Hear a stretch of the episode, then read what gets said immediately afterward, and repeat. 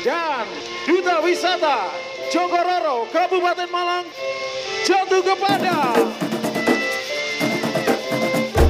Jokororo, ikon generasi muda Kabupaten Malang. Bukan sekedar duta pariwisata, bukan pula sekedar ajang pemilihan dua tahunan, tapi kehadiran Jokororo Kabupaten Malang benar-benar menjadi representasi Kabupaten Malang. Budaya, semangat, hingga sejarah pun melekat pada Jokororo. Ditilik dari namanya, Jokororo bukanlah sebuah nama yang main-main. Jokororo bukanlah nama panggilan kerakyatan, tapi merupakan sebuah gelar kebangsawanan. Mengingat putra-putri Kabupaten Malang adalah keturunan Raja Singasari yang diakui keagungannya. Sehingga menjadikan Jokororo sebagai gelar istimewa sekaligus menjadi pembeda dengan duta wisata di daerah lainnya. Pemilihan nama Jokororo sendiri memakan waktu yang tidak sebentar. Banyak perdebatan dan juga pilihan yang berasal dari masukan dan juga usulan dari pihak-pihak yang memiliki kaitan terhadap sejarah dan budaya Kabupaten Malang. Dulu itu ada sejarawan uh, budayawan dari Universitas Negeri Malang yang namanya Profesor Habib Mustopo. Jadi Malang itu secara historikal itu kan uh, salah satu bagian daripada kerajaan kerajaan Singosari ya dan mereka berharap uh, mereka menganggap bahwa uh, segala sesuatunya harus berkasta. Termasuk salah satunya adalah pemilihan duta wisatanya ini berharap bahwa mempunyai kasta yang tinggi juga. Beliau berpesan bahwa pemilihan nama duta wisatanya itu harus uh, mengarah ke keningratan bukan ke ke kerakyatan jadi kalau dulu kalau dulu di Malang itu ada bupati pertamanya Malang idealismenya beliau adalah bahwa Kabupaten Malang ini mempunyai kasta tertinggi. Mohon maaf loh ya, harus mempunyai kasta tertinggi di antara duta wisata yang lainnya dulu menurut beliau, gitu loh. Terus kenapa akhirnya dipilih uh, Joko Roro ini sendiri? Apa sebelumnya ada uh, alternatif nama lainnya yang menjadi pilihan? Oh, kalau nama nama Joko Roro itu hampir empat bulan ya penentuannya. Wah, itu itu perjalanan yang panjang dan saya saya ngerasa bahwa aku tuh wasting time gitu loh. Hanya perkara nama aja gontok-gontokan.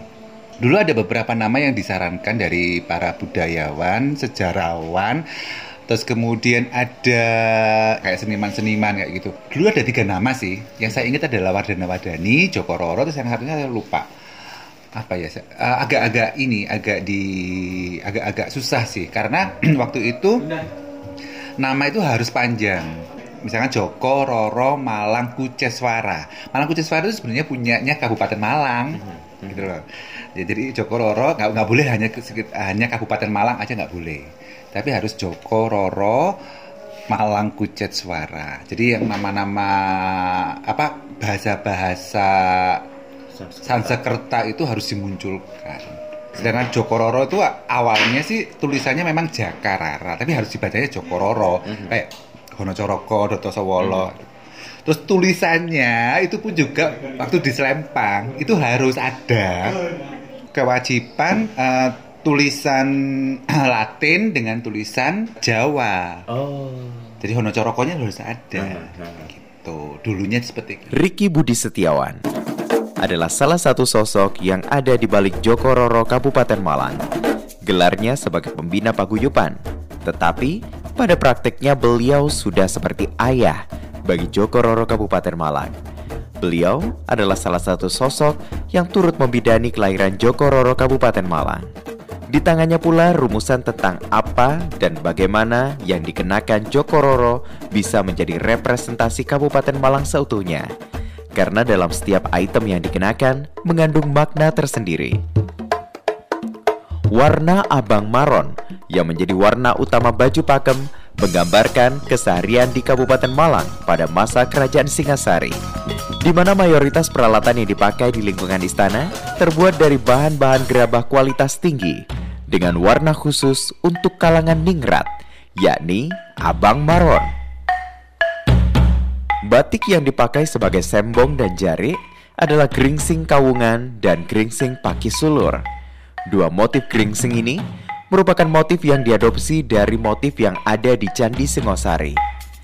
Aksesoris menggunakan kuku macan sebagai perlambang keberanian untuk Joko dan bros dinar dan juga bunga patma untuk Roro.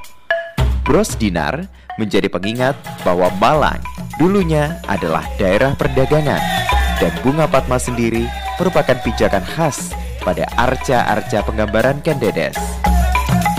Sekalipun syarat akan makna dan sejarah, bukan berarti berbicara tentang Joko Roro Kabupaten Malang akan melulu berbicara tentang masa lalu dan candi serta tumpukan batu. Justru, keberadaan Joko Roro sekarang adalah bentuk representasi pemuda masa kini yang progresif, modern aristokrat, menjadi ciri Joko Roro Kabupaten Malang. Keanggunan seorang ningrat dipadu dengan pemikiran dan langkah yang moderat menjadikan Joko Roro memiliki karakteristik yang kuat. Karakter inilah yang memperkuat mereka di tapak-tapak prestasi selanjutnya. Memang menjadi role model bagi pemuda Kabupaten Malang bukanlah tujuan puncak, tapi justru menjadi kunci untuk terbukanya pintu perjuangan yang lebih lebar. Dalam kamus Joko Roro, gelar ningrat bukan berarti harus menegakkan dagu, tapi justru lebih memperbanyak laku dan menyentuh lebih banyak masyarakat serta menginspirasi lebih banyak pemuda. Dari 33 kecamatan, 378 desa, dan 12 kelurahan di Bumi Kanjuruan, Kabupaten Malang.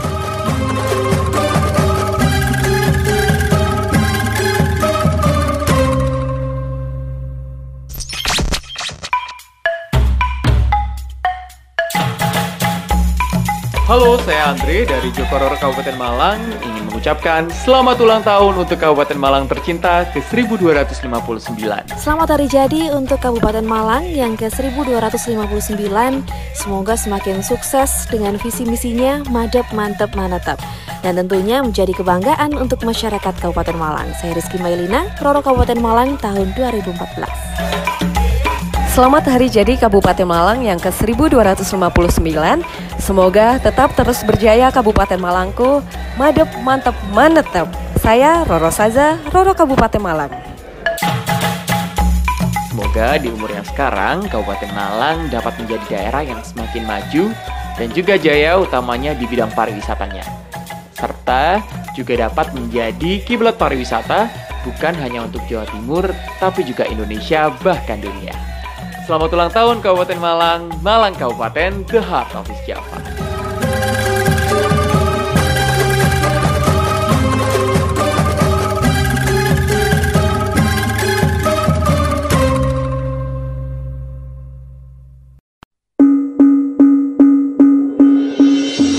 Peringgitan Pendopo Agung Kabupaten Malang Sebuah situs sejarah yang konon berusia lebih tua dari pendopo atau keraton Ambarukmo Yogyakarta.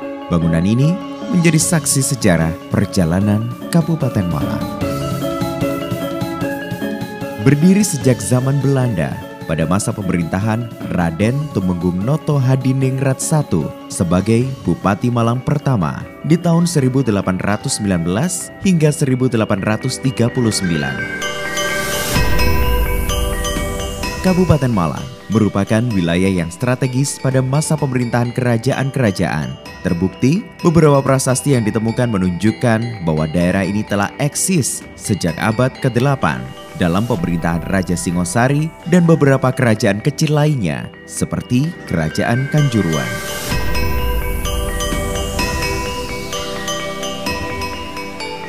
Dalam prasasti Dinoyo menyebutkan peresmian tepat suci pada hari Jumat Legi tanggal 1 Margasirsa 682 Saka yang bila diperhitungkan berdasarkan kalender kabisat jatuh pada tanggal 28 November 760 Masehi. Dan tanggal inilah yang akhirnya dijadikan patokan sebagai hari jadi Kabupaten Malang.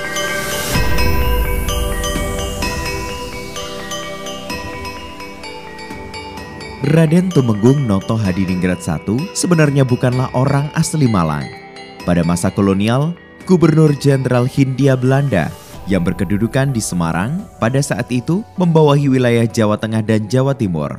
pada tahun 1918 menunjuk sang adipati untuk memimpin wilayah Malang.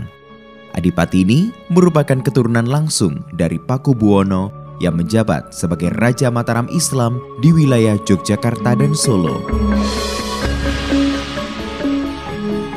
Sebagai keturunan dari Mataram Islam, pembangunan pendopo serta rumah dinas mengadopsi struktur bangunan kerajaan di daerah tempatnya berasal – Hal ini ditunjukkan dengan arsitektur dan tata bangunan yang sama persis.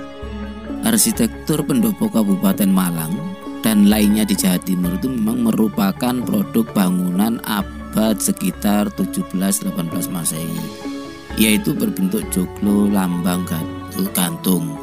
Joglo ini memang tren pada masa abad itu yang kebetulan saat itu kerajaan Mataram Islam berada di puncak kejayaannya yang memang pengaruhnya sampai Jawa Timur. Sehingga wajar jika itu dikatakan sebagai pengaruh Mataram. Pendopo berasal dari kata mandapa dari bahasa Sanskerta, yakni sebuah bangunan tambahan di depan bangunan utama. Dalam sebuah rumah tradisional Jawa, Fungsi pendopo sangatlah penting karena digunakan untuk bersosialisasi dengan keluarga, kerabat, hingga masyarakat sekitarnya. Sementara itu, rumah dinas Bupati Malang yang berada di belakang pendopo agung memiliki arsitektur Belanda. Bangunan besar tersebut mempunyai luas kurang lebih 500 meter persegi dengan dua sayap di samping bangunan utama. Sisi keunikan pendopo terletak pada konsep alun-alun yang berbeda dengan kota lain di Indonesia. Kebanyakan di Indonesia, kantor bupati atau residen berada dalam satu kompleks dengan penjara, masjid, dan pasar. Dengan tatanan sebelah selatan merupakan daerah sakral dan sebelah utara merupakan daerah proven. Uniknya, letak pendopo Kabupaten Malang berada di sebelah timur dan menghadap ke selatan, ke Regenstrat alias Jalan Kabupaten yang sekarang dikenal dengan nama Jalan Kiai Haji Agus Salim. Keunikan lain dari rumah Bupati Malang adalah terpisahnya antara bangunan rumah dan kantor. Namun, dari berbagai sumber dikatakan jika Malang dikenal dengan pertahanan yang kuat sehingga tidak perlu diawasi langsung oleh residen. Padahal dalam penataan yang dilakukan oleh Belanda, kantor bupati dan wakilnya sengaja didekatkan agar sang wakil dapat mengontrol dan melihat dari dekat kegiatan penduduk yang dilakukan di Masjid Jami ataupun pendopo. Penataan pendopo Kabupaten Malang beda dengan lainnya karena pembangunannya bertahap. Bangunan pendopo Kabupaten dengan lapangannya yang sekarang alun-alun, di mana pendoponya tidak menghadap ke lapangan. Sementara pasar belum ada waktu itu. Masjid didirikan baru setelah bupati kedua yang sekarang menjadi Masjid Jami. Pasar sendiri baru tahun 1901 didirikan di Kampung Pecinan. Nah, berarti konsep yang umum seperti tanah lapang, kantor bupati, kemudian ada penjara, kemudian pasar itu tidak diikuti karena sifatnya bertahap seperti Blitar, Probolinggo, Pasuruan juga seperti itu bertahap semuanya. Pasar juga agak jauh dari alun-alun untuk yang Probolinggo dan Kabupaten Blitar itu dan tidak selalu senter dengan utara selatannya alun-alun. Sejak tahun 2013, pemerintah Kabupaten Malang memindahkan aktivitas pemerintahannya ke kota Kepanjen di daerah selatan Kabupaten Malang. Perlahan, perpindahan ini juga diikuti oleh beberapa instansi yang berhubungan dengan pelayanan masyarakat. Sementara, instansi yang berhubungan dengan teknis perencanaan masih berada di Pendopo Agung Kabupaten Malang. Bagi masyarakat Kabupaten Malang, Pendopo Agung yang berada di Kota Malang tidak akan tergantikan. Walaupun pemerintah Kabupaten Malang telah membangun dan memfungsikan kantor bupati serta pendopo seluas 4,5 hektar di Kepanjen, kini santer terdengar kabar pendopo agung akan segera dialihfungsikan dari tempat kediaman para bupati Malang dan perkantoran pemerintahan yang menyimpan begitu banyak jejak sejarah menjadi area komersial. Boleh saja Yang penting tidak menghilangkan konsep dan bukti sejarahnya. Dan lebih baik jika pengelolaannya itu dikelola oleh pemerintah Kabupaten Malang. Seperti contohnya adalah rumah gebang milik Bung Karno yang berada di Blitar itu dibeli oleh Pemkot Blitar dan dikelola menjadi museum yang pengelolaannya pun oleh pemerintah kota.